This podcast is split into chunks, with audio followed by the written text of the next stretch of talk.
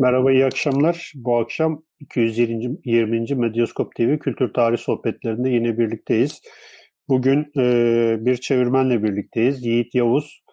E, kendisi yayınımıza Trabzon'dan e, katılıyor. Hocam hoş geldiniz öncelikle. Çok teşekkür ederim. Şeref duydum. Sağ olun. Biz de çok teşekkür ederiz yayınımıza katıldığınız için. Bugün kendisiyle e, John Milton'ın e, ölümsüz eseri diyelim. E, Yitirilen Cennet adlı çevirisi üzerine e, konuşacağız. E, bu çeviri yakınlarda İtaki, İtaki Yayın Evi'nden çıktı ve oldukça e, güzel bir çeviri ve e, daha önce de yapılmış olan çevirileri var ama e, burada epey e, metni e, olduğu gibi e, karşımıza çıkaran bir çalışma söz konusu. Bu açıdan biz bu çeviri üzerinden kendisiyle bir yayın yapmak istiyoruz.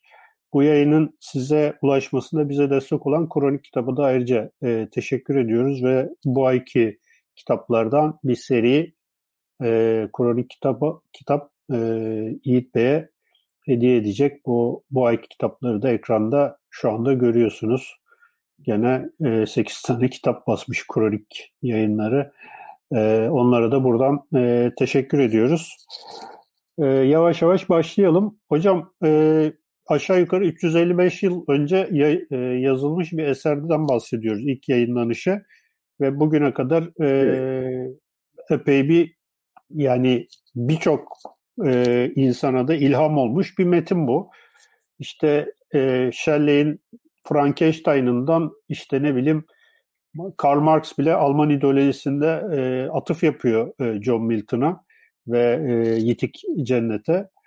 E, hatta bu yakınlarda popüler bir film olan bu Şeytanın Avukatı'ndaki şeytanın ismi de John Milton ve gerçekten böyle popüler kültüre de yansıyan bir yanı var. E, bir defa biraz hani ön, önden metin üzerinde biraz e, konuşalım. Daha sonra e, çeviri maceranızı da bir dinlemek isteriz çünkü önemli bir çeviri. E, öncelikle yani John Milton İsterseniz bir hayatından ve bu eseri yazış sürecinden bir bahsedelim. Ee, daha sonra e, metnin içeriğine doğru yavaş yavaş gireriz. Buyurun. Evet, çok teşekkür ederim öncelikle tekrar beni konuk ettiğiniz için. Burada olmak çok güzel. Değerli dinleyenlerimizi de selamlıyorum, izleyenlerimizi. Ee, şimdi John Milton muazzam öneme sahip bir yazar, şair gerçekten. Az önce siz modern referanslarından buna göndermede bulunan e, eserlerini bir şekilde e, bizi yönelten yapıtlardan söz ettiniz. İşte Şeytanın Avukatı filminde orada Al Pacino'nun oynadığı karakterin John Milton adını taşıması, e, Keanu Reeves'in e, yine bu eserden bir replik kullanması çok açık göndermeler. Bunun gibi bizim e, çevremizde bütün kültür sanat ürünlerinde aslında kimisi çok belirgin, e, kimisi e, o kadar kendini belli etmeyen yani birçok gönderme var bu esere. Çok fazla etkilenim var. Hatta şimdi benim yaşadığım Trabzon otelinde, e, şehrinde bir otel var. E, yol üzerindeki bir otel ismi Paradise Lost. Aynen bu şekilde. geçerken öyle e, bu çeşit işte Kayıp Cennet e, adıyla yerleştiği için eser dilimize çok fazla referansı var. Yani her yerde görebiliriz. Son derece aşinayız Milton'ın bu yapıtına. Ama e, ismiyle daha çok aşina olduğumuz, biraz da böyle konusunu bildiğimiz bir eser. Fakat hakkıyla Türkçe'ye kazandırılması, bir bütün olarak e, okura sunulması çok gecikmeli olarak gerçekleşti. E, sizin de ifade ettiğiniz gibi işte 17. yüzyıldan gelen bir eser bizim elimize. Ben de bunun da tanışma maceramı anlatayım. Yani ilgi çekici gelebilir. Bir yabancı arkadaşım, Hristiyan arkadaşım bana sunmuştu. E, bu, bu kitabı göstermişti daha doğrusu. E, övgüyle söz etmişti. Çok etkilendiği bir kitap olarak. Alıp okumam için bana verdi. Ben de götürdüm bu evime. Çok uzun zaman önce oluyor bu. Yani bundan herhalde bir 20 sene önce falan işte o zaman 30'lu yaşlarındayım, yaşlarımdayım. Şimdi 50'li yaşlarımın başındayım. Götürdüm kitabı, okumaya çalıştım, baktım ve hiçbir şey anlayamadım metinden. Son derece karmaşık, anlaşılması e, imkansız gibi görünen bir İngilizceyle yazılmıştı. E, ve geri verdim. Yani bunu okuyamadım dedim ben. Bir şey anlayamadım. E, bunun niye böyle olduğunu tabii anlamam çok zaman aldı. Niçin okuyamadım, niçin anlayamadım, nasıl bir dili, içeriği olduğunu o eserin anlamam için demek ki bu zamana gelmem gerekiyormuş. Yani 2016 yılında ben bunun çevresine başladım. E, bundan bahsederim tabii. E, kısaca bahsedeyim isterseniz hatta ondan sonra Milton'un eserine geçelim. E, işte öncesinde az önce giriştesinde beğendiğiniz Mary Shelley'nin Frankenstein kitabı. E, o benim çevirdiğim kitaplar arasında yer aldı. İş Bankası Kültür Yayınları için bu kitabı çevirdiğim zaman işte Paradise Lost, şimdi Yitirilen Cennet olarak Türkçe'ye kazandırdığımız kitap orada karşıma çıktı. Şu şekilde oldu. Oradaki Frankenstein canavarı, ismi olmayan canavar ama doktor da değil, doktor olarak geçer filmlerde ama aslında Victor Frankenstein bir e, doğa bilimci o zamanki tabirle. Onun yaratısı olan canavar hayat karşısında yapayalnız dünyaya bırakılmıştır ve bir gün yolda bir çanta bulur. Çantanın içinde bir takım klasik eserler vardır. Üç eser, Plutarkos'un paralel hayatları, ee, işte birisi Werther'in acılarıdır, Göte'nin yapıtı. Diğeri de Milton'ın Paradise Lost'u, yitirilmiş cennetidir.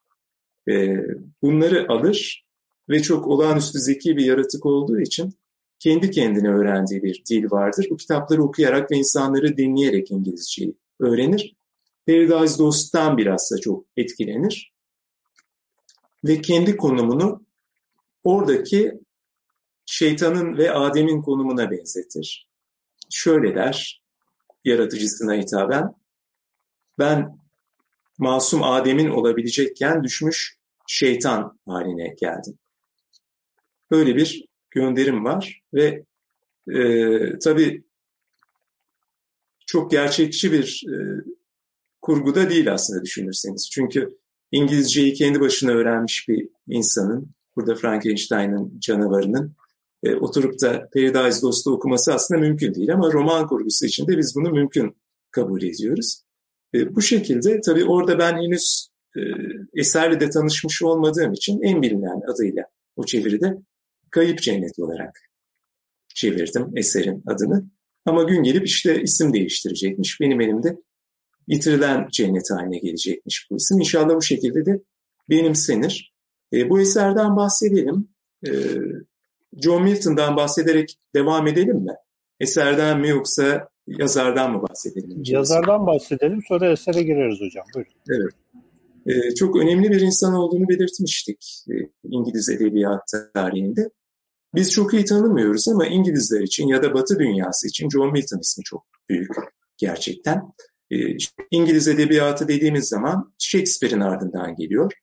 Hem zaman sıralaması bakımından Shakespeare'in ardından geliyor. Yani Shakespeare'in ölümünden hemen önce dünyaya gelmiş bir yazar. Onun çocukluğunda Shakespeare hayata veda ediyor. 1608 Milton'ın e, doğum tarihi. E, 1674'te de hayata veda ediyor. Bu tarihte Paradise Lost'un son baskısını, şu anda bizim çevirimize esas kabul eden baskının e, yayın tarihi. E, Londra'da dünyaya geliyor. Varlıklı bir ailenin e, evladı olarak dünyaya geliyor ve e, bir protestan ailede doğuyor kendisi. Aslında ilginç bir geçmiş çünkü e, babasının tarafı esasen Katolik fakat babası protestanlığı tercih ediyor. Bundan dolayı da hatta e, dedesi Milton'ın bu babayı reddediyor. Mirasından yoksun bırakıyor ama e, baba Milton öyle parasız çok zor durumda kalmıyor. E, yazmanlık yapıyor, e, müzik bilgisi var, müzisyenliği var. Bir şekilde kendini toparlıyor ve iyi bir ortamda maddi açıdan sıkıntı çekmeden büyüyor Milton. Ve dini bir, e, dini çerçevede bir eğitim görüyor. O çerçevede bir e, kariyer öngörülüyor Milton için. Hem modern hem klasik anlamda iyi bir eğitim geçiriyor. 11 yaşından itibaren Londra'daki St. Paul Okulu'na gidiyor. Burada Latince, Yunanca, İbranice öğreniyor. Fransızca ve İtalya üzerine, İtalyanca üzerine çalışıyor. Ve çok erken yaşta hem Latince hem İngilizce şiirler yazmaya başlıyor. Burada zaten Milton'ın dehası çok erken yaşta ortaya çıkıyor. Yani daha 20'li yaşlarda toplu şiirlerini basmış, yayınlamış bir kişiden söz ediyoruz ki e, bir düzine dile aşina. Bunların bazılarını e, zaten gayet iyi kullanıyor. 1930 ee, 1630'lardan itibaren esas olarak İngilizce şiirler yazıyor ve basılan ilk şiiri 1632 tarihli ikinci Shakespeare folyosunda e, Shakespeare üzerine An Shakespeare isimli bir şiir oluyor. 1638'e dek başka şiirler kaleme alıyor. İtalyanca isimli e, Le Allegro, Il Penseroso, Comus ve Lisida adlı eserleri var. E, o yıl İtalya'ya gidiyor ve 15 ay ve İtalya gezisi yapıyor Milton. Burada e, o sırada ev hapsinde olan Galileo'ya ziyareti çok meşhur ve daha sonra Paradise Lost üzerinde çok büyük etkisi olacak bir e, ziyaret bu. Galileo o dönemde malum e, hikayesi başına gelenlerden dolayı ev hapsinde tutulan bir kişi.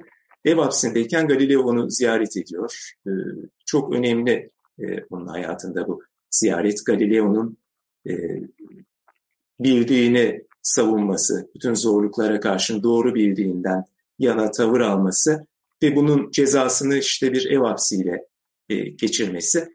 Ki o dönemde Galileo kördür. Bu da çok önemli. Çünkü Milton'da 40'lı yaşlarından itibaren başlayan görme yetisini kaybetme durumu söz konusu.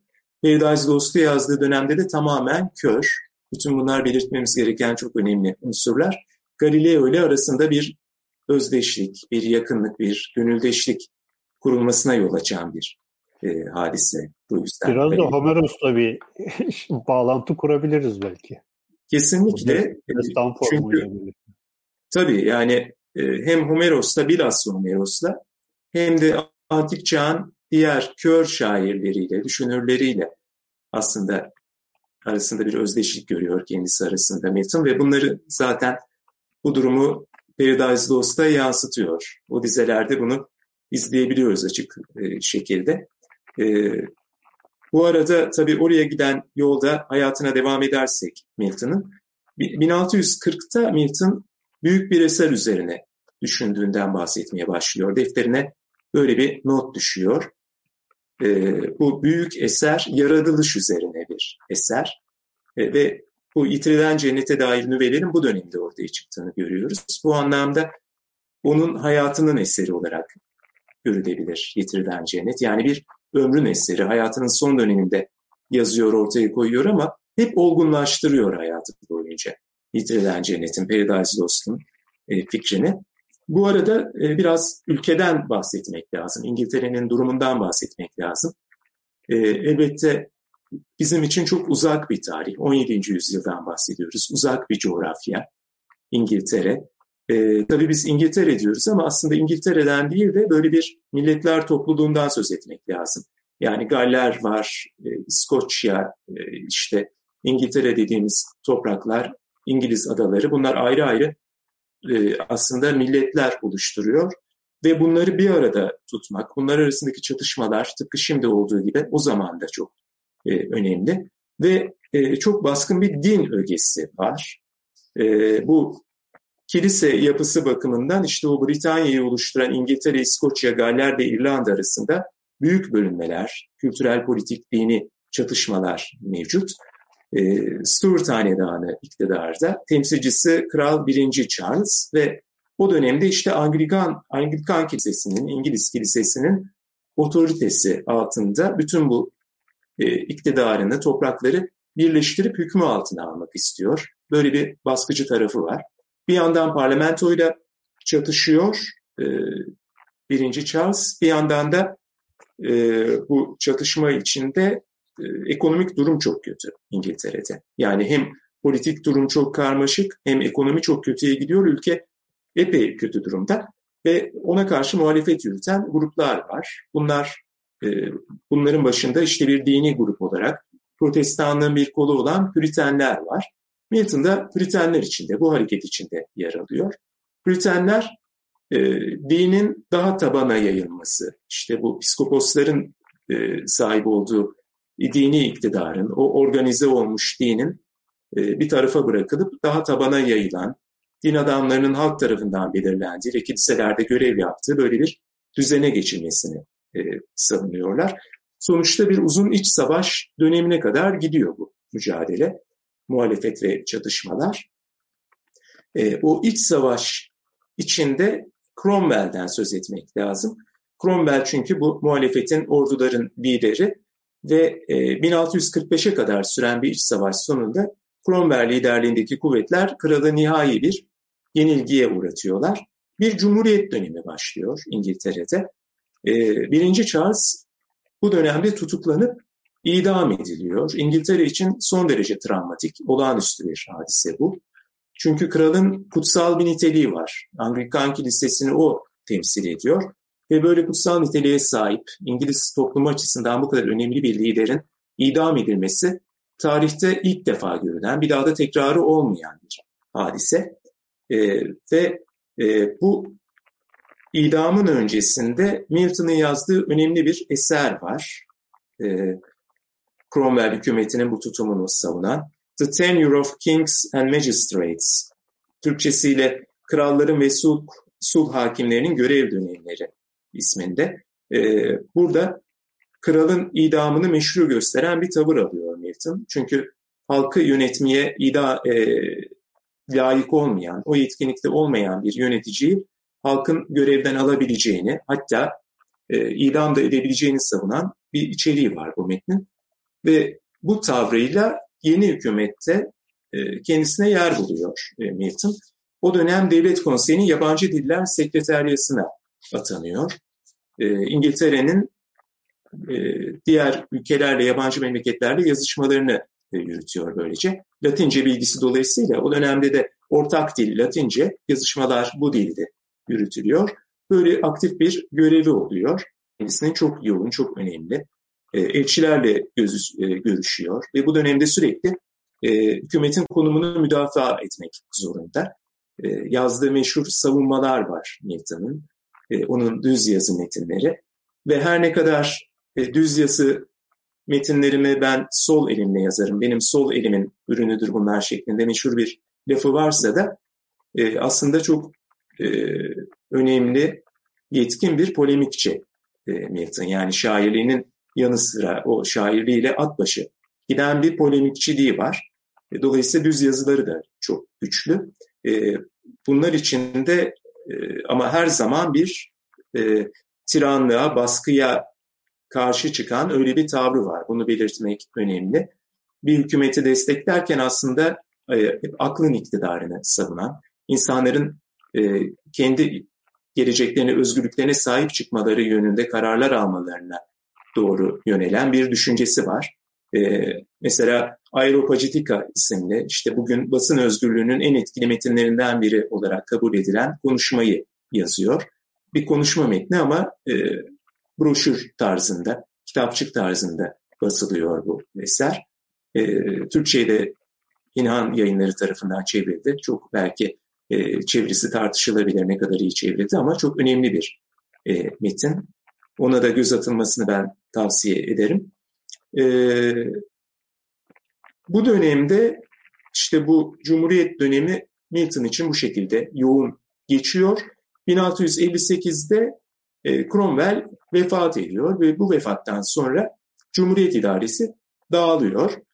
E, idam edilmiş kralın oğlu 2. Charles ülkeye dönüyor ve monarşi yeniden tesis ediliyor. Restorasyon dönemi olarak geçen bir dönem. Milton da tabii e, hükümet içindeki konumundan dolayı gözden düşüyor ve hapsediliyor. İhanetle suçlanma tehlikesiyle karşı karşıya ama isminin bir saygınlığı var, e, sevenleri var yani düşmanlarının yanı sıra. E, tabii düşman kazanmadan da böyle bir hayat e, sürmek mümkün değil. E, takdir edersiniz ki. E, ama işte sahip çıkanlar var ona. Yani sonuçta idam edilmiyor. Hapisten çıkıyor. E, kardeşi mesela bir kralcı ve e, yargıç yeni idare içinde ona destek olmuş olabilir. E, yorumlardan kimisi bu yönde. E, ev hapsine mahkum ediliyor. Uzakta, inzivada bir hayat sürmeye başlıyor. Ve işte bu dönem e, yitirilen cennetin ana gövdesinin ortaya çıktığı bu inziva dönemi 1658-1665 arası. E, biraz aile hayatından da bahsetmekte fayda var bu arada Milton'ın. E, bu yitirilen cenneti yazmaya başladığı dönem kendisinin üçüncü evliliğini yaptığı dönem. Üç kere evleniyor. Birinci evliliği e, hiç iyi gitmiyor. Daha evliliğin başlarında karısı Mary Powell anlaşmazlıkları var. Aceleye getirilmiş bir evlilik olarak geçer. E, çok zihin yapıları farklı. Terk ediyor evi. Nathan'a ailesinin yanına dönüyor, anne babasına. Ve üç yıl boyunca ayrı kalıyorlar. Bu dönem John Milton'ın meşhur e, boşanma metinlerinde, divorce tracts olarak geçilen metinlerini yazdığı dönem.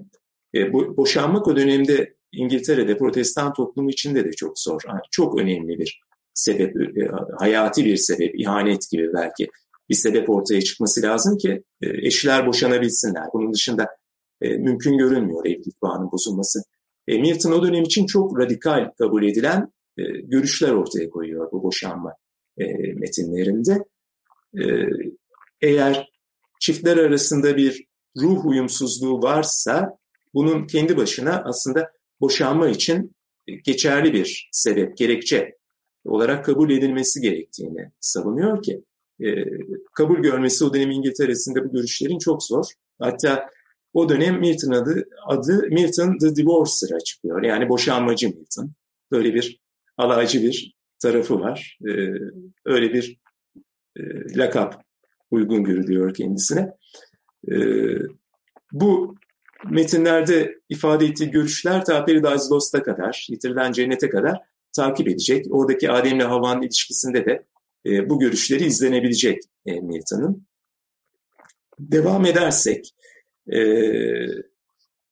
aile hayatına sonuçta Mary Powell'la boşanmıyorlar. Bir araya geliyorlar tekrar. Üç sene sonrasında bir araya geliyorlar.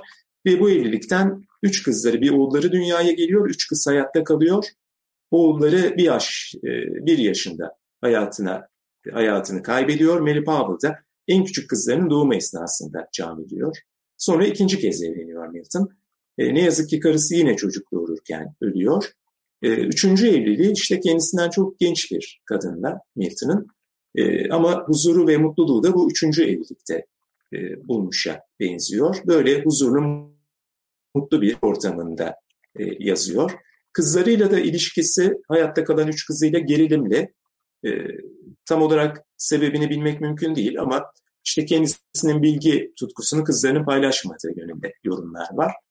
Ee, hani bu bana biraz düşündürüyor meseleyi. Acaba bilgisini, bilgi merakını paylaşsalardı kızları Milton'ın çok mu önemliydi onlar için? Çünkü e, kadınların sonuçta baskı altında tutuldukları, mesleki gelişimlerinin, kariyerlerinin önünün açık olmadığı bir dönemden söz ediyoruz. Ama e, neticede o gerilimli ortamda da olsa e, bu Paradise Lost'un yazılmasına kızları çok yardımcı oluyorlar. Çünkü Milton tamamen kör ve artık e, eliyle eser yazacak durumda değil. Sözlü olarak aktarıyor ve dikte ediliyor eserler. E, Milton e, anlatıldığına göre geceden oluşturuyor e, dizeleri kafasında. Sabah erkenden işte bir e, eve katip geliyor ya da katip olmadığı zaman kızlarıyla birlikte oturuyorlar ve Milton söylüyor, dikte ettiriyor. Onlar da yazıyorlar Paradise Lost'u. Bundan sonra e, gözden geçirme, işte edit etme, e, redaksiyon süreçleri bunu takip ediyor. O da apayrı bir mesele tabii ama Paradise Lost bu şekilde ortaya çıkıyor. Hocam burada, da, burada siz bir, bir şey yazmıştınız hani metni e, tadına varabilmek için yüksek sesle okuyun gibi bir şey hatırlıyorum sanki kitapta. Doğru mu? Yanlış mı hatırlıyorum? Tabii yani, kesinlikle. E, destan e, formunda ve dikte edilerek yazıldığı için siz de okurken yüksek sesle ve e, şeyle okuyun gibi bir şey yazmıştınız. Homer, Homer gibi aslında. Homeros gibi yani bir anlamda. Tabii yani burada e, Homeros'la işte o körlükten gelen ortaklığı var. E, hani bir ruh ortaklığı. E, onun ötesinde işte o Homeros'un ve antik çağ e, şairlerinin o sözlü şiir söyleme, e, aktarma geleneğini aslında burada devam ettiriyor bir bakıma Milton. Gerçekten de e, orijinal İngilizce metnin çok büyük bir armonisi var. Zaten Milton'ın babasından devraldığı bir müzisyenlik tarafı da var. Yani enstrüman çalıyor, beste yapabiliyor. Böyle bir kişi. E, dolayısıyla bir müzikal kulağı da var. Bu müzikal kulağını, bu müzikal bilgisini de e, metinlerine, şiirlerine yansıtıyor.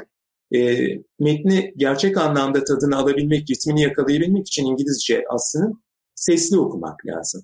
Yani böyle sesli okumaların güzel örneklerini eğer internette bulabilirlerse e, izleyicilerimiz dinlesinler.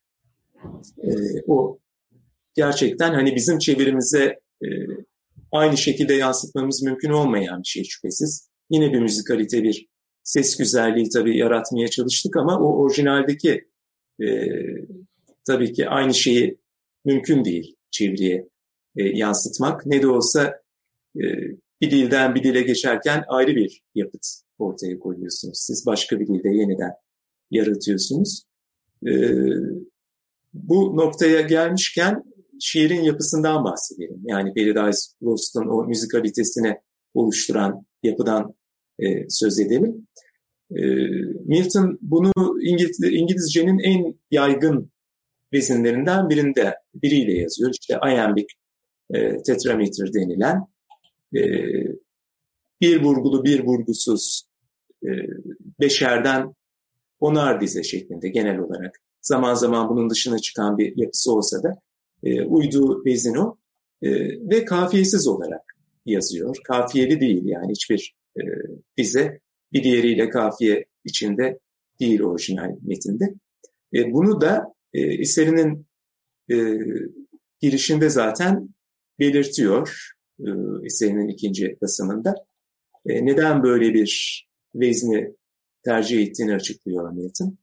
E, kısaca e, kafiyeye uya eski bir çağın, kendi tabiriyle barbar bir çağın e, iba, ebaresi olarak e, ibaresi olarak görüyor. Artık yani böyle bir e, basit bir has ürünü uyak e, Milton'a göre. Yani bugünün okurunun daha karmaşık, e, şiirin tadına varmak için o kadar e, basit hazlardan uzak duran bir okur olması gerektiğini e, söylüyor. E, yüce bir amacı var. Yani e, ilahi bir amaç biliyor Yitirilen Cenneti yazarken Milton. E, o ilahi amaç çerçevesinde ona uygun bir form aslında belirlemek istediği düşünülebilir. Yani basit tarzlardan e, uzak kalan daha yüce bir formda ortaya koymaya çalışıyor eserini. E, bu formu oluştururken de işte yine o İngil e, İngilizcenin yaygın vezni içinde e, yazdığı fakat uyaksız bir form ortaya koyuyor. Bu çok e, şaşırtıcı bir hadise. E, o dönemin İngilizce okuyan e, insanları için, İngiltere'si için. E, zira bu kadar uzun bir metinde hiç böyle bir form e, tercih edilmemiş. Blank verse deniyor buna. E, bunu mesela Shakespeare'in eserlerinde görüyoruz. Blank verse'ü. Yine aynı şekilde iambic tetrameter içinde fakat e, blank verse olarak yazmış Shakespeare. Fakat bunlar drama eserleri. Yani uzun şiirler değil. E, blank verse'ü biz ya daha kısa şiirlerde görmüşüz o zamana kadar. E, ya da işte böyle drama tarzında eserlerde, tragedyalarda e, rastlanan, komedilerde rastlanan bir tarz. Bunu böyle uzun destan formunda bir esere uyguluyor e, Milton. Ve çok şaşırtıcı bir sonuç ortaya çıkıyor bu bakımdan. Yani okuyanları çok etkiliyor. Deha ürünü bir eser olarak e, görüyorlar bunu. E, asırlar boyunca devam edecek büyük bir etki de bu şekilde ortaya çıkıyor. E, ilk basımı Paradise Lost'un 1667. Sonra 1668'de e, başına bu e, birinci bölüm ikinci bölüm ki book olarak geçer. Book one, book two. E, bölüm özetleri geçiyor, e, yazıyor Milton yayıncının talebiyle. Yani o bölümde neler anlatıldığı, hangi hadiselerin geçtiğine ilişkin e, özet bölümleri yazıyor. E, ve 1674'te biraz daha kapsamlı değişiklikler yapıyor. Çünkü ilk baskı 10 bölümden, 10 kitaptan oluşuyor. Bu bir e, tragedya formu ama 1674'te e, tam da e, destan formuna uygun Vergilius'un Aeneis'indeki gibi onu örnek alarak 12 e, kitaba, 12 bölüme ayırıyor e, eserini. 7. ve 10. bölümleri ikiye bölünüyor, bölüyor ve bu şekilde 12 kitaplık son şeklini veriyor esere. E, 1674 bu son formun basıldığı, yayınlandığı yıl aynı yılın Kasım ayında da e, Milton hayata veda ediyor. E, bu arada yani 1674'e kadar geçen bölümde işte Paradise Lost'un tamamlayıcısı olarak görebileceğimiz e, Paradise Regained, yeniden kazanılan e, cennet isimli eser ortaya çıkıyor. Bir de Samson Agonistis var. Bu da yine dini temalı bir eser. Bildiğimiz meşhur o Samson Delilah e, hikayesinin e, tragedya formunda e, oluşturulduğu yine manzum bir eser. E, bu şekilde bilmiyorum devam edeyim mi yoksa soruyla araya met, biraz da metinden, bahs metinden bahsedelim isterseniz. Hı hı. Metinden bahsedelim. Bölüm bölüm e, gidebiliriz isterseniz ya da genel olarak şöyle bir girizgah yapayım. Yani, ee, evet. Bir hani genel bir, evet. genel bir özetine bak alalım sizden sonrasında da e, açarız. Tabii. Yani şimdi e, tabii oraya girmedik. Gerçi birçok e, kişi zaten biliyor e, metnin ana mevzusunu, izleyini. E, yitirilen cennet Adem'le Havva'nın ilk günahı işlemesi ve bu ilk günah dolayısıyla cennet bahçesinden e, kovulması. Bunun hikayesi. E, ama tabii bu e, izlek, bu kısa hikaye e, Kitab-ı Mukaddes Kutsal Kitap içinde, işte oranın yaratılış bölümü içinde çok kısa olarak geçen, ikinci ve üçüncü bablarda anlatılan toplamda böyle 3-4 sayfaya yayılan bir hikaye. E, herkes biliyor, Adem'le Havva cennet bahçesindedirler. E, yılan Havva'yı kandırarak ona yasak meyveyi yedirir e, ve bu günah e, yasaklanmış meyveyi yemesi nedeniyle Havva'nın daha sonra da bunu Adem'e yedirmesi dolayısıyla bu bahçeden kovulurlar. Böyle e, özet bir hikayesi var yaratılışta. Çok küçük, çok kısa bir anlatı fakat bütün kültürleri çok etkilemiş. İslam'a da e, sirayet etmiş aynı hikaye. Ve Kur'an-ı Kerim'de de farklı bir boyutta geçiyor. Biraz farklı bir anlatıyla. E, ve anlatıla anlatıla üzerine çeşitleme e, yapıla yapıla tüketilememiş bir hadise aslında o ilk günah hikayesi. E, asli günah. E, ama bunu en etkili şekilde herhalde başlatan kişi de Milton. Yani bu Paradise Lost'la birlikte başlıyor. E, ve eserde sadece bu e, hadiseyi anlatmıyor, bunun üzerine bir sürü şey inşa ediyor Milton. Ve o özet, o çok kısa hikayeyi eklediği diğer anlatılarla, kurgusal anlatılarla e, büyük bir destan boyutuna taşıyor. E, ve temel meselesi şu, insana Tanrı bu ilk günahı neden işletmiştir? Daha doğrusu bu ilk günahın işlenmesine neden izin vermiştir?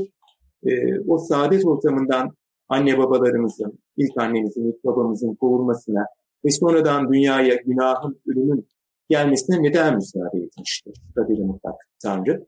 E, bunun üzerinde duruyor. E, ve zaten amacını da bu şekilde ortaya koyuyor. Yani ilk e, girişinde, ilk bölümünde e, eserinin e, Tanrı'nın yol ve yordamlarını insanların gözünde haklı kılmak olarak amacını ifade ediyor ve bunun için yazıyor. E, böyle yüce bir izlek peşinde Milton. E, daha önce de bahsettiğimiz gibi yani izlek böyle yüce olunca bu kadar önemli. E, şimdiye kadar asırlar boyunca Hristiyanlığın ortaya çıktığı dönemden beri hala çözülememiş bu temel soruyu yani Tanrı neden bunu yaptı? E, günahı ve ölümü dünyaya neden getirdi? E, getirmemek elinde değil miydi şeklinde ortaya koyduğumuz ve hala bunu tartıştığımız bu soruya aslında çok önemli bir başlangıç yapmış. O e, o önemli sorunun yanıtını vermeye yönelik çok önemli bir girişimde bulunmuş oluyor Milton. E, yüce izlek, yüce form diyoruz. İşte Homeros'un İlyadası, Odiseyası e, düzeyinde onlara eş değer bir destan anlatısı e, koymayı planlıyor ortaya. Daha 20'li yaşlarda bu fikir ortaya çıkıyor. İngiltere'den de diyor. Yani böyle bir bu seviyede e, Homeros'un o yapıtları, İlyadası, Odiseyası e, seviyesinde bir yüce yapıt ortaya çıksın diye düşünüyor. Ve destan deyince akla gelen işte o dönemde İngiltere'de şövalyelik hikayeleri, Kral Arthur e, ve yuvarlak masa şövalyelerinin maceraları tarzında hikayeler. O da aslında böyle bir e, izlek üzerinden gitmeye önce niyet ediyor. Arthurian bir e, eser yazmak niyetinde. Fakat daha sonra vazgeçiyor. Tamamen yüce. İşte e, Tanrı'nın o cennet bahçesinde geçen e, Tanrı ile melekler, şeytanlar bunların yer aldığı e, o eski destanların e, insansı kahramanlarının yanına Tanrı'yı, şeytanı, melekleri, iblisleri koyduğu bir anlatı yazmaya e, karar veriyor ve bunu nesirde ve nazımda hiç denenmemişin peşine düşen bir şiir olarak anlatıyor. E, ilk e, bölümünde yine Paradise Lost'un. Yani böyle bir şey. Nesilde ve nazımda hiç denenmemişin peşine düştüm. E, bu neyi anlatıyor? İşte hem bu kadar yüce bir izleyi e, takip etmek, Tanrı'nın yol ve yordamlarını haklı çıkarmanın peşinde, e, böyle bir e, denenmemişliğin peşinde hem de form bakımından, biçim bakımından daha önce hiç denenmemiş e, bir e, formu burada ortaya koyuyor. E, 11 bin dizeye yaklaşan 300 küsur e, sayfalık e, İngilizce basınlarında bizde 500'ü bulan e, bu sayfalar içinde e, böyle bir manzum eser ortaya çıkarıyor. E, ve eser çok geç bir dönemin eseri e, Milton için. Hem Milton için hem İngiltere için. Bunun üzerinde de belki durmak lazım. Yani bu eser yazıldığı dönemde artık destan formu böyle çok gözde değil. Artık destan tarzında eserler ortaya koymuyor şairler. E, bu bakımdan geç dönemin eseri. Milton açısından da işte çok geç yaşının eseri. Yani artık ölüme yaklaştığı bir dönemde ortaya çıkmış. Bunu da zaten 9. kitapta belirtiyor. E, dilerseniz oradan bir kısa alıntı yapayım burada. Tabii. Bu olur mu? Tabii buyurun hocam. E, bu geç kalmışlığı şöyle ifade ediyor benim çevirimde. Bu mevzuyu seçmem destansı bir şiir için uzun zaman aldı ve geç başladım yazmaya. Tabiatım gereği yatkın değilim. Şimdiye dek yegane destansı mevzu sayılan savaşları anlatmaya. En büyük hüner bu sayılır. Kurmaca savaşlar eden meşhur şövalyeler uzun, bezdiren bir karmaşa içinde ince ince ölçe biçe anlatılır. Sabrın, destansı acıların daha büyük metaneti hiç anlatılmadan kalır. Yahut yarışlardan bahsederler, oyunlardan, at üzerinde vuruşanların silahlarından, armalarla bezenmiş kalkanlar, gâşiyeler, küheylanlardan, parıltılı süslerden, vuruşan, turnuvalara katılan muhteşem şövalyelerden. Şimdi bunu söyleyerek Milton işte eski destanlarda e, söz edilen kahramanlık konularından, o kahramanlık izleklerinden ayrıldığını, daha yüce bir destanın peşinde olduğunu e, bize söylüyor, bize ifade ediyor. E, ve bunun e, içinde destanın bütün ögeleri var. Yani bir destanda ne ararsak, e, antik destanları oluşturan bütün ögeleri kendisi kullanıyor e, kendi destanı içinde. Hem biçim olarak hem işte kurduğu olay çizgisi, akışı ve kahramanları açısından. Bir kere olaylara antik destanlarda olduğu gibi ortasından giriyor. Yani İlyada'yı, Odiseya'yı hatırlayalım. Bir takım şeyler olmuştur, bitmiştir bize Ozan e, bu olayların ardından başlangıcını anlatır. E, o da öyle yapıyor. Yani birinci kitaptan girdiğimiz zaman burada e, şeytanı ve meleklerini cehennemde görüyoruz. Cehennem çukuruna atılmış olarak görüyoruz. E, kaosun koyu karanlığı içindeki cehennem çukurunda bir ateş gölünün içindedirler. Tanrı'ya baş kaldırmışlardır, bir savaş yaşanmıştır. Savaşı kaybedip buraya atılmışlardır. E, şeytan kendine gelir, naibine seslenir. E, sonra diğer şeytanları uyandırırlar ve cehennemde bir saray inşa ederler. Orada bir konsey toplarlar. Bundan sonra ne yapacaklarını tartışırlar. E, burada e, her şey olmuş bitmiş. Acaba ne olmuş bitmiş? Bunun anlatısını sonraki bölümlerde görürüz. E, neler olup bittiğini adım adım öğreniriz. E, tabii hikaye şudur. E, Tanrı bir oğul yaratır. Oğuldan kastımız burada tabii sonradan dünyaya e, İsa Mesih olarak gelecek olan kişi. Yani e, bizim İslam kültüründe Hazreti İsa olarak bildiğimiz e, ama e, Hristiyanlığın üçlemesinde işte o baba, oğul, kutsal ruh içinde yer alan o oğul, Milton'ın kendine özgü görüşü içinde, dini görüşü içinde ki o üçlemenin dışına çıkan bir dünya görüşü vardır. E, Tanrı'nın yarattığı oğul olarak onun yanında yer alır. Milton'ın yanında yer alır. Ve onu yaratmıştır. Meleklerine der ki bu benim oğlumdur. Bana e, itaat ettiğiniz gibi bu oğluma da itaat etmeniz gerekiyor. İşte şeytan o zamanki adıyla Lucifer bundan hoşlanmaz. E, ve isyanı bundandır. Yani Tanrı'nın yanı sıra onun oğluna ibadet etmeyi e, uygun görmez. Kendi konumunun alçaldığını düşünür. Yanına Tanrı'nın meleklerinden üçte birini çeker ve Tanrı'ya karşı bir isyan başlatırlar. İşte o isyan ve sonrasında ortaya çıkan savaş sonrası e, savaşı kaybederler ve cehennem çukuruna atılırlar. Bunlar daha sonra e, ikinci bölümde, üçüncü bölümde yavaş yavaş öğrendiğimiz hikayeler ve bunlar e, bunların ardından Tanrı'nın insanı yaratışı, işte ilk insan olan Adem'i yaratışı, sonraki bölümlerde yine karşımıza çıkacak olan ve bizi yavaş yavaş Paradise Lost'un özüne getirecek olan anlatı. Ee, Hocam bir şey sorabilir miyim burada? Buyurun. Araya giriyorum ama hazır yeri gelmişken. Evet, ben, ben de biraz e, götürmekte bazen bazen zorlanıyorum. Biraz Met, metnin e, ilk kısımlarında e, neredeyse satanist denilebilecek bir şey var, kurgu var. Yani şeytan öyle bir anlatılıyor ki hani e, hatta şeyi de e, yazmışsanız kitapta e, William Blake yani e, şey büyük şairdir e, Milton ama Hı. aslında bilmeden satanizm yapmıştır. İşte şeytana hizmet etmiştir gibi. Hani e, ilk başta şeytan şeytan anlatısı e, insana e, onu haklı kılacak şekilde yani bir şey var orada. Hatta işte o meşhur lafı birinci kitapta cennette kul olacağım ama cehennemde saltanat sürerim gibi böyle. Evet, tam da, hani, tam da şeytanın avukatında Keanu Reeves'in e... Evet, evet. Onu yani o zaten çok kritik bir e, şey.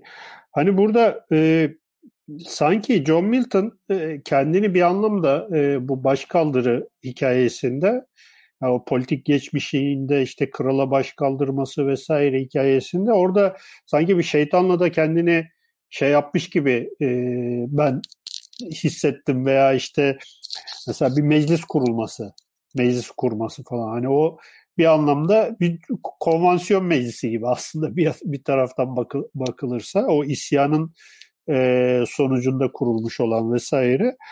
E, bu e, yani bu metnin daha sonra ilerleyen kısımlarında tabii gene klasik şeye dönüyoruz işte şeytanın hile ve desiseleri vesaire. Metnin yani bu e, evrim süreci hakkında ne, ne söyleyebilirsiniz? Yani başta böyle neredeyse şeytanı haklı görebileceğimiz veya ona sempati duyacağımız bir şey varmış gibi olup sonradan işte yavaş yavaş e, aslına dönmesi hikayesi hakkında e, bir şeyler söyleyebilir misiniz? E, tabii yani çok kritik meseleler sizin de değindiğiniz. E, yani güzel bir yerden sordunuz. Oradan girelim. E, işte burada bir pandemiyum adı verilen saray oluşturuyorlar. Şeytan ve melekleri, düşmüş melekleri diyelim. Ve burada bir konsey oluşturup Tanrı'ya karşı artık bundan sonra ne yapacaklarını, nasıl hareket edeceklerini tartışıyorlar. Bu gerçekten Milton'ın işte geçmişinde katıldığı belki o parlamento konuşmalarını, parlamento üyesi değil ama o dönemde izlediği parlamento tartışmalarını belki akla getirebilir. O tür politik göndermeler. Zaten Milton'ın eseri neden bugüne kadar bu kadar yaşadı? Hala çok tartışma konusu.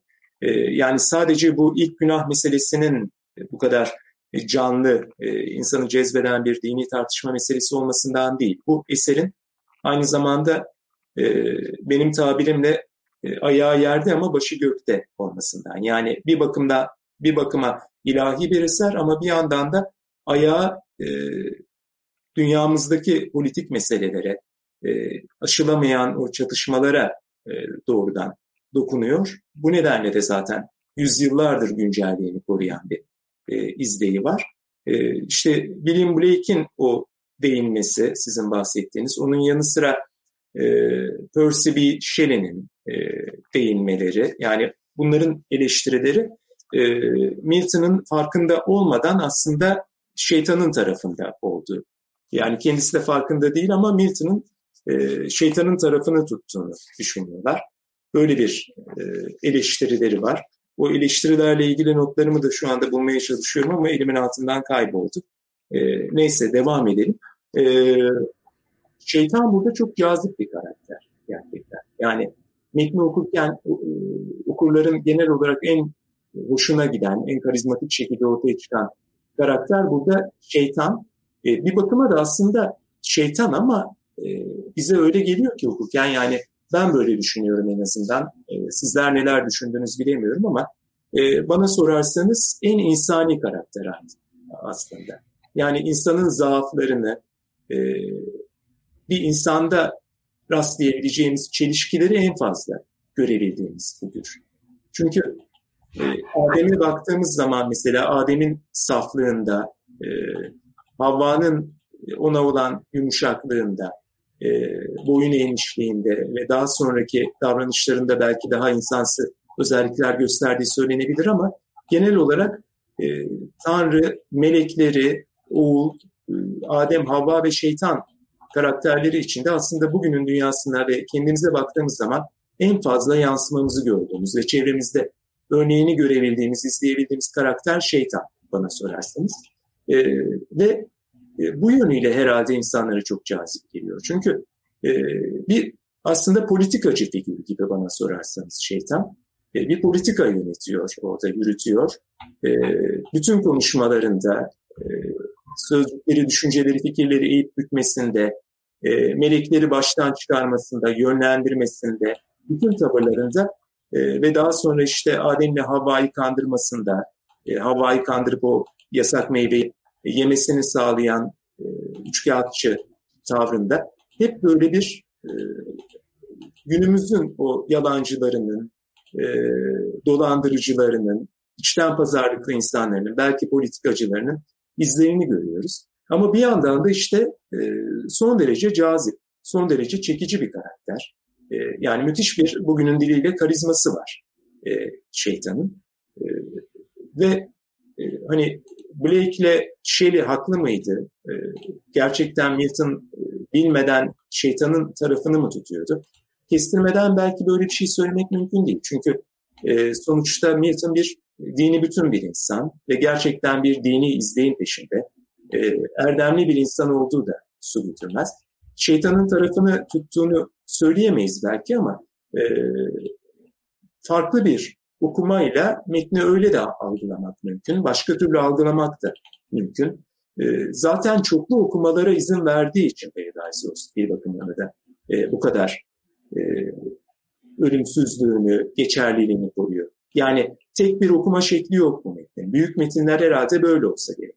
Farklı farklı okumalara, farklı farklı yorumlara izin veren bir yapısı var ki bugüne kadar gelebilmiş. Zaten ilk okumaları da o şekilde ortaya çıkıyor. Mesela e, basımından sonra hemen büyük bir ün kazandıktan sonra e, çağdaşlarından biri John Dryden var. E, bunu alıyor. Diyor ki ben bunu bir sahne adaptasyonuna dönüştürmek istiyorum. Bunun için Milton'dan izin istiyor. E, şiiri uyaklı bir hale e, dönüştürüyor ve bir opera formatında e, State of Innocence, masumiyet hali adı altında sahneye uyarlıyor.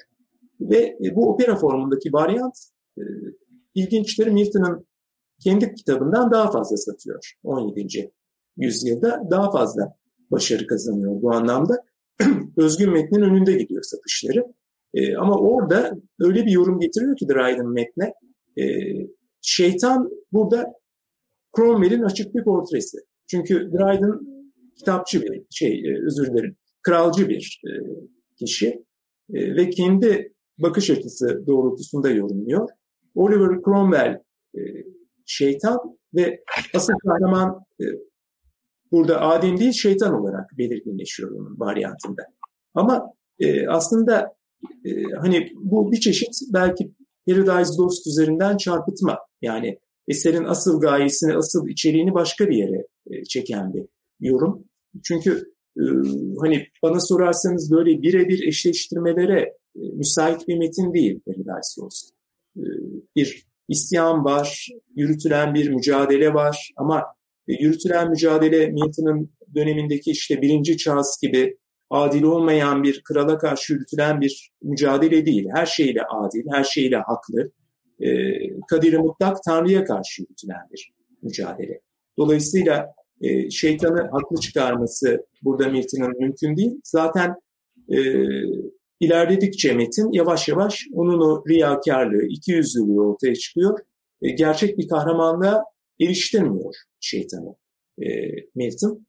Ve Milton'ın e, şeytanın gün gelip e, bu mücadele içinde cezasını bulacağı, e, İsa Mesih'in dünyaya insan formunda gideceği e, ve Havva'dan doğacak çocukların e, yılanın başını ezeceği şeklinde bir müjde var ki e, bunu e, kutsal kitaptan alıp kendi eseri içinde gayet güzel şekilde işliyor. Ama şu soru tabii yine ortada kalıyor açık olarak. Yani şeytanın isyanı, acaba şeytan isyan etmekte haklı mıydı? Haklı görülen bir yanı var mıydı? Burada Tanrı karşısında şeytanın konumu ve Tanrı neden bu e, isyana izin verdi? E, Adem ile Havva'nın düşmesine neden izin verdi? Bu saadet ortamının yok olması da neden e, müsaade etti? E, bunların açıklamasını Milton getirmeye çalışıyor. E, sonuçta bu büyük kaybın yine bir saadete dönüşeceğini ileride e, kurgulamaya, oluşturmaya çalışıyor. E, bu noktada üzerinde durduğu çok önemli bir kavram var. Özgür irade kavramı. Bu da Milton'ın bütün yazılarında, gerek düz yazılarında, gerekse şiirlerinde izleyebileceğimiz bir kavram. Hep özgür irade üzerinde durmuş. Özgür iradenin önemi üzerinde, bunun korunması, toplumlara yerleşmesi üzerinde durmuş. Ee, Tanrı insana özgür irade veriyor, seçme hakkı veriyor ve düşmek ya da kalmak, düşmemek e, insanın elinde bir seçim yapıyor Adem e, ya da Havva burada. E, ve Havva seçimini yapmakla e, ve bu yanlış seçime Adem de katılmakla e, düşmeyi ve cennet bahçesinden kovulmayı hak etmiş oluyorlar. E, bu haklılığı ve bundan sonra ortaya çıkacak eylemlerde yine o saadet ortamına e, yeniden insanın nasıl kavuşacağını ortaya koymaya çalışıyor Milton. Böyle bir izleyi var diyeyim. E, yanıt oldu mu bilmem. Yine ben sizin sorularınızı alarak devam edebilirim. Hocam şey e, bir so- soru değil de o günkü e, siyasi siyasi düşüncenin veyahut da siyasi e, ortamın şeyini çizmesi açısından da önemli bir şey olabilir belki. Siz işte 16 e, 17. yüzyıldan bahsediyoruz ve e, işte şey yani kutsal kitaba atıfta bulunuyorlar ve bu arada mesela Hobbes'un aynı dönem çağdaş olduğu Milton'la e, çağdaş olan Thomas Hobbes'un yazdığı iki tane metin var. Bir tanesi Leviathan, öbürü Behemoth. Bunlar da yine e, İncil'deki e, kutsal e, kitaptaki e, şeylere e, nasıl diyeyim kötücül güçlere e, atıf olarak oraya referans vererek yazılmış metinler. Hobbes'un ki Leviathan işte bir siyasi düşünce metni. E, Behemoth da onun yine iç savaşla ilgili. Yani aslında o kargaşa dönemi kendini farklı bir şekilde o kötücül güçler kendini farklı şekilde e, ifade ediyor. Belki Milton'da burada işte şeytandır yani o e, kralcılar ve e, işte cumhuriyetçiler arasındaki çelişki gibi veyahut da oradaki kendini bir şekilde gün yüzüne çıkartıyor. Tabii edebi bir yanı var, dinsel bir yanı var e, nihayetinde ama bir yandan da da siya, siyasal bir yanı da var. E, siyasete e, iz düşümleri de var. Bu açıdan da düşünmek gerekiyor. Yani ben bunu şey olarak soru olarak değil de bir e, derkenar olarak e, eklemek isterim. Bunun haricinde e, bugünkü metinlere e, atıf, yani bugünkü eserlerde e, çok şey kullanılıyor. Mesela ben de arada Gustav Dor'un e, Paradise Lost, çizimlerini paylaşıyorum. Peki daha sonrasında edebiyatta etkileri neler? İşte Shakespeare'den etkilendiğini biliyoruz. Hatta Shakespeare aslında bir meydan okuma gibi. E, aynı dönemde yaşamışlar. İşte bir 10-15 sene aynı aynı zaman diliminde yaşamışlar. Bir Shakespeare'e karşı bir şeyi var, e, e, ilgisi de var. Bir de meydan okuma aslında. Peki sonrasında e, dünya edebiyatını, İngiliz edebiyatını e, yitirilen cennet nasıl e, etkilemiş? Var mı böyle bir e, şeyimiz? Evet, yani şeyden e, Shakespeare'den yola çıkarak başlayalım isterseniz. Tabii e, Shakespeare'li ve daha başka yazarlarla ilişkisi üzerinden değerlendirirsek e, sadece Shakespeare değil kendisinden önce gelen bütün İngiliz yaz, yazarlarına, şairlerine tabii yaslanıyor. Bunun dışında e, işte Latin e, antik şairlere dayandığını söyledik. E, aynı zamanda e, Avrupa'nın diğer şairleri e, bunlardan da tabii çok yararlanıyor. E, hemen tabii akla gelen işte şu günlerde Dante yılındayız. Dante'ye de çok fazla yaslanan bir eser. E, Shakespeare'le ilişkisi üzerinde çok fazla bir bilgiye ben kendim ulaşamadım açıkçası. Yani e, Shakespeare'den çok etkilendiği e, muhakkak. Ona da e, atıf izleyebileceğimiz, gönderme izleyebileceğimiz yerler var Paradise Lost'ta. Ama Shakespeare'den tabii zaten bütün e, İngiliz edebiyatı etkilendi. Yani etkilenmemek mümkün değil. E, onun da mutlaka büyük bir e, esini var e, Milton üzerinde. E, sonraki döneme bakarsak işte ilk dönemlerde tabii ortaya koyduğu bu üslup çok etkili, çok güçlü. E, Milton'ın üslubu e, Milton's Grand Style adıyla anılıyor. Ben bunu Milton'ın tumturaklı üslubu olarak e, Türkçeleştiriyorum. E, Latince gibi yazıyor Milton. Yani İngilizceyi çok farklı bir söz dilimiyle kullanıyor. Latince'nin çok büyük etkisi var dilinde.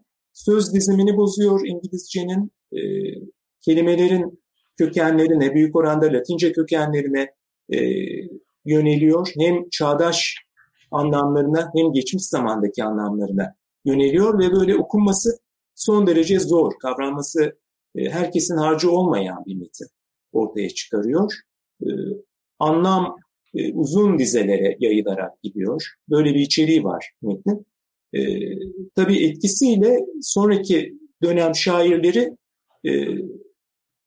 cazibesine sokan bir metin. Ama aynı zamanda taklit edilmesi imkansız. Yani onu taklit etmeye, Milton gibi yazmaya çalışan e, şairler başarılı olamıyorlar. Çok kötü duruma düşüyorlar.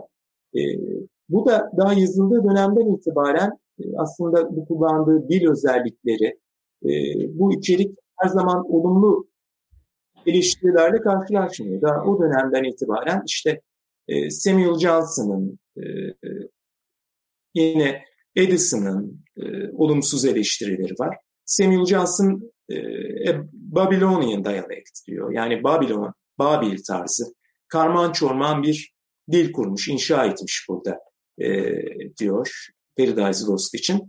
E, ve insanlar bu kitabı alır, okur, kenara kor, bir daha da eline almaz şeklinde bir görüş ifade ediyor. Niye böyle diyor? Çünkü içinde anlattığı şey kutsal metinden yola çıkan, çıkılan bir anlatı. E, zor bir anlatı.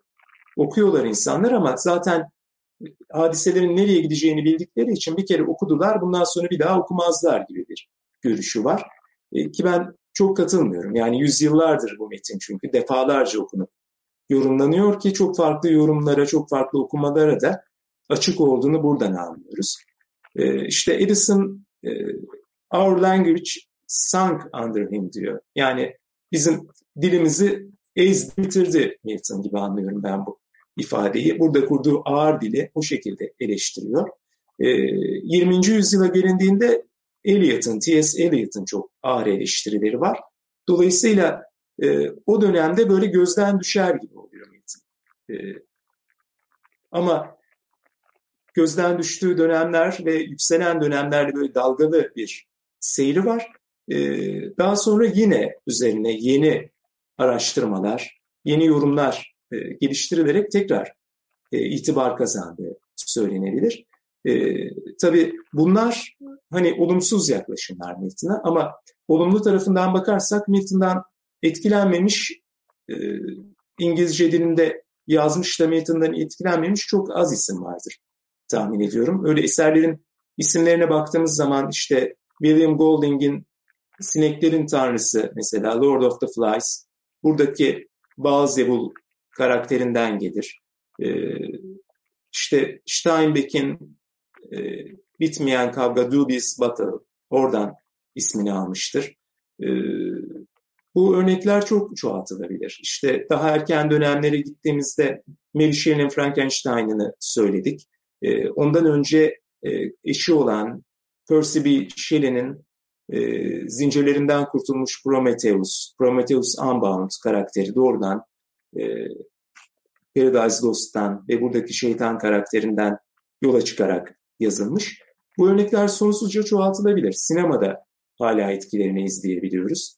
Ee, tabii eleştiri aldığı noktalara yine gelirsek, e, işte feminist eleştirmenler tarafından çok e, yerilen bir yönü var. E, Charlotte Bronte, George Eliot, Emily Dickinson, e, Mary Shelley'nin annesi olan e, Mary Wollstonecraft, Virginia Woolf, bu önemli isimler Milton'ın buradaki Havva karakterine, kadına bakış açısını eleştiriyorlar ki e, haklı olduklarını teslim etmek lazım bir yerde. Çünkü e, Adem'in daha altında, kapasite olarak daha düşük ve ona tabi bir varlık gibi e, Havva burada e, çizilmiş ki e, ilk annemizi anlatıyor ama aslında kendi aşçısını görmüş e, Havva'da diyor e, Charlotte Bronte. Böyle bir e, eleştiri getiriyor.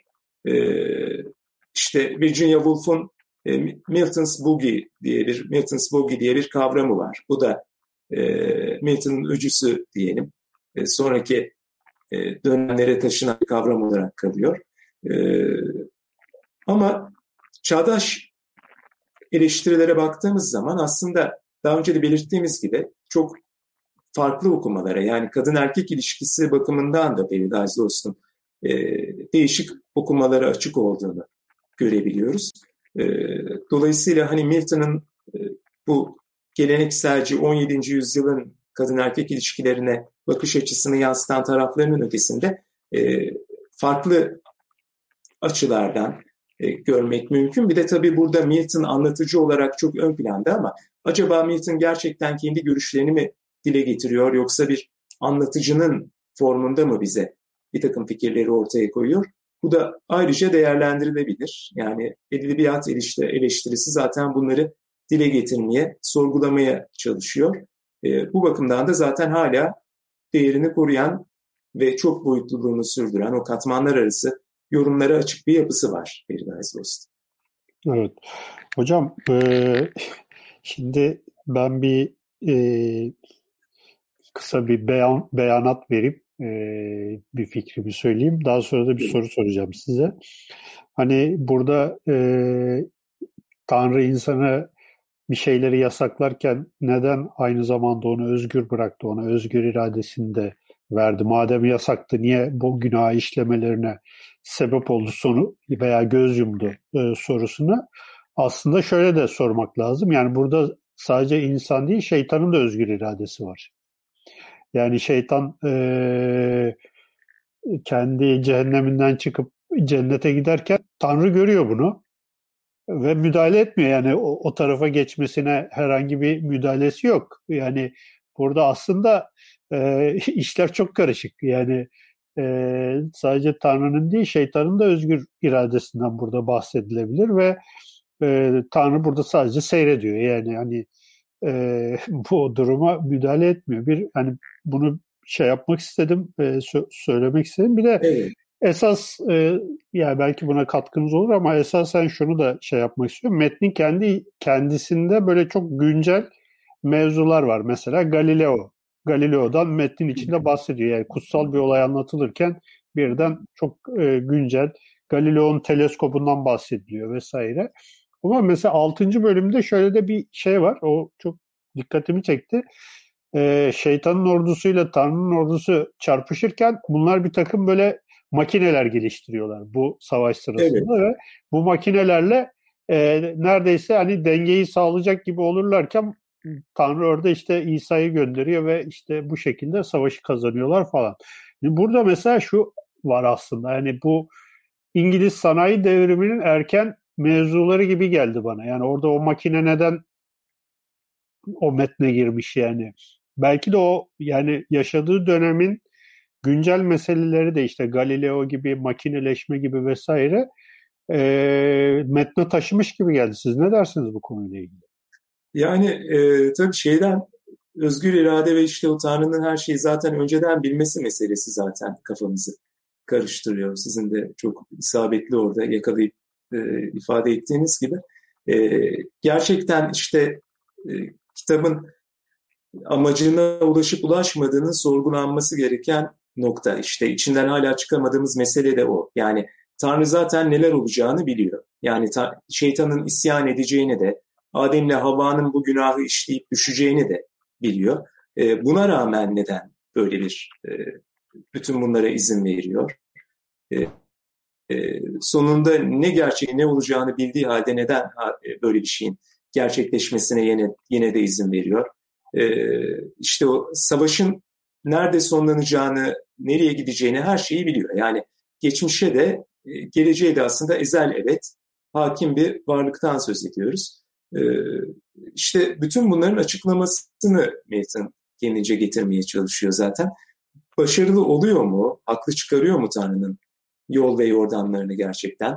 E, bunu değerlendirmek, bunun arayışına girmek gerekiyor. Yani metni sürekli olarak sorgulamak lazım. Havva yılan tarafından ki burada yılanın gövdesine giren şeytandır. Kandırılıp yasak ağacın meyvesini yedikten sonra bunu Adem'e de getiriyor ve Adem de bu meyveden tadıyor. Özgür iradeden ve seçme şansından söz ediyoruz burada Adem'le Havva'nın ama şimdi Havva bir kere bu meyveyi yedikten sonra Adem'in gerçek anlamda bir seçim şansı var mıydı gerçekten? Çünkü Adem fazla tereddüt etmiyor e, meyveyi yemek için. E, diyor ki sen bunu yedin ben sensiz olamam artık. Senden ayrılamam. Sen düştüysen ben de bunu yiyeceğim. E, belki düşmeyiz Tanrı bizi affeder ama düşersek de birlikte düşeriz deyip e, meyveyi yiyor ki e, gerçekten Adem'in yapması gereken şey bu değil miydi? E, bu da hani eleştirmenlerin sorguladığı, üstünde durduğu bir konu. Çünkü bir evlilik birliğinden, beraberliğinden söz ediyoruz. Ve bir erkeğin en büyük e, vazifesi sonuçta eşine karşı, e, onunla birlikte o kutsal evlilik bağını koruması gerekiyor. E, yemeyip de Havva'yı tek başına Firdevs'ten, cennet bahçesinden gitmesine izin verseydi, o durumda mı koşsaydı, bu mu daha şerefli, daha doğru bir davranış olurdu. Aslında burada gerçek anlamda Adem'in bir seçme şansı yok gibi görünüyor. Yani Havva o elmayı yemiş, e kendisi de mecburen e, yiyecek, eşini yalnız bırakmamak için. E, bütün bunlar e, soru işareti doğuran şeyler. Ama işte bunlar da e, Milton'ın eserinin değerini düşürmeyip tam tersine benim gözümde tartışılabilir, işte yeni yeni sorulara kapı açabilir nitelik kazandırıyor. Ee, yani hadiseyi oluşturup bırakan e, ve kesin bir sonuca bağlayan bir metin değil. Her ne kadar kendi görüşlerine o ebedi saadete giden yolun e, gün gelip işte İsa Mesih'in yeniden dünyaya geleceğinin müjdesini bize verse de Milton, e, Tanrı'nın haklılığını, yollarının ve yordam, yordamlarının e, haklılığını ortaya koyduğu iddiasını burada e, belirtse ve bunu gerçekleştirmeye çalışsa da bizim soru işaretlerimiz devam ediyor ve e, işte Paradise Lost'u da yaşamaya e, devam eder kılıyor. O sözünü ettiğiniz savaş sahnesi işte bir takım aletler geliştirme, başın böyle toplarla, güllelerle e, yapılması vesaire. Oralar gerçekten enteresan. Yani böyle melekler arasındaki savaşı biraz arasındaki, insan ordularının arasındaki savaşa doğru çeken e, kısımlar. E, savaş sahneleri aynı zamanda benim en severek, en heyecanla çevirdiğim, e, zevk alarak çevirdiğim kısımlardı.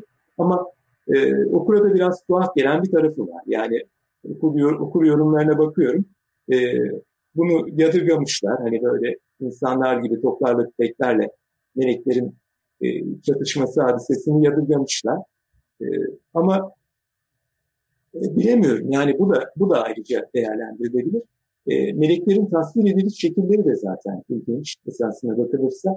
Hani Gustav Dor'un çizimlerine burada bizim e, şeyimize, çevremize de eşlik eden çizimlerine baktığımızda işte insan formunda kanatlı formlar bunlar ama e, Newton aslında kemikle, eklemle, kasla sınırlandırılmamış e, farklı yapılar olarak e, melekleri tasarlıyor. Yani etle, kanla, kemikle sınırlı değiller.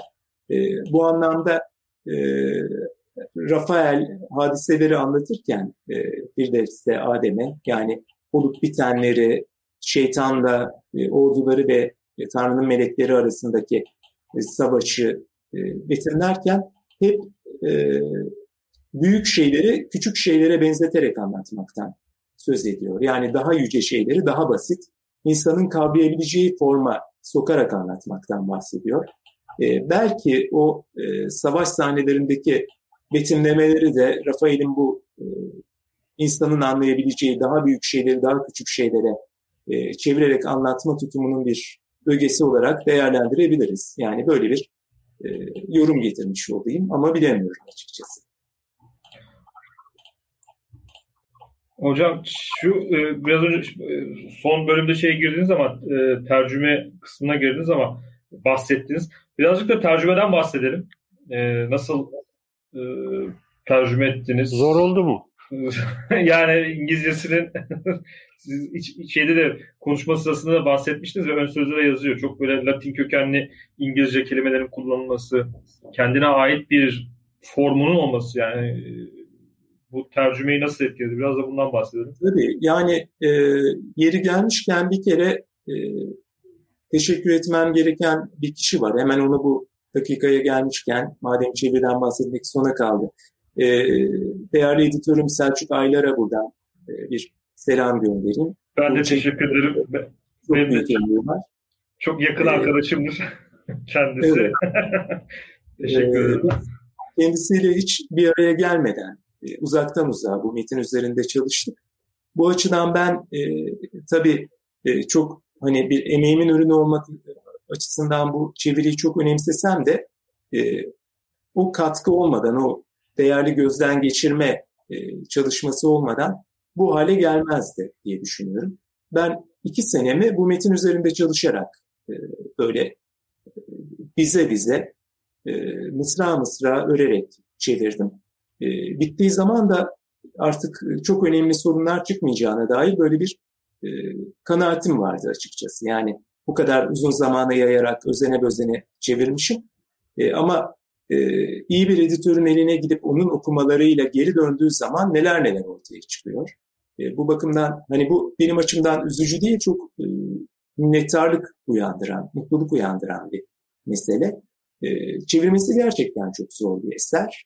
Ama e, nasıl bunu başardım? Yani ben bunu başarmamı kendi e, bilgime, yeteneğime borçlu değilim sadece. Milton üzerine yapılmış çok sayıda e, çalışmanın üzerinde yükselmiş bir çeviri bu. Yani Milton kadar üzerinde durulmuş, Milton kadar eseri açıklanmış, bu Paradise Lost kadar didik didik edilmiş, e, sadeleştirilmiş metinlerle, dipnotlarla, yorumlarla zenginleştirilmiş metin belki de yok e, İngiliz edebiyat tarihinde.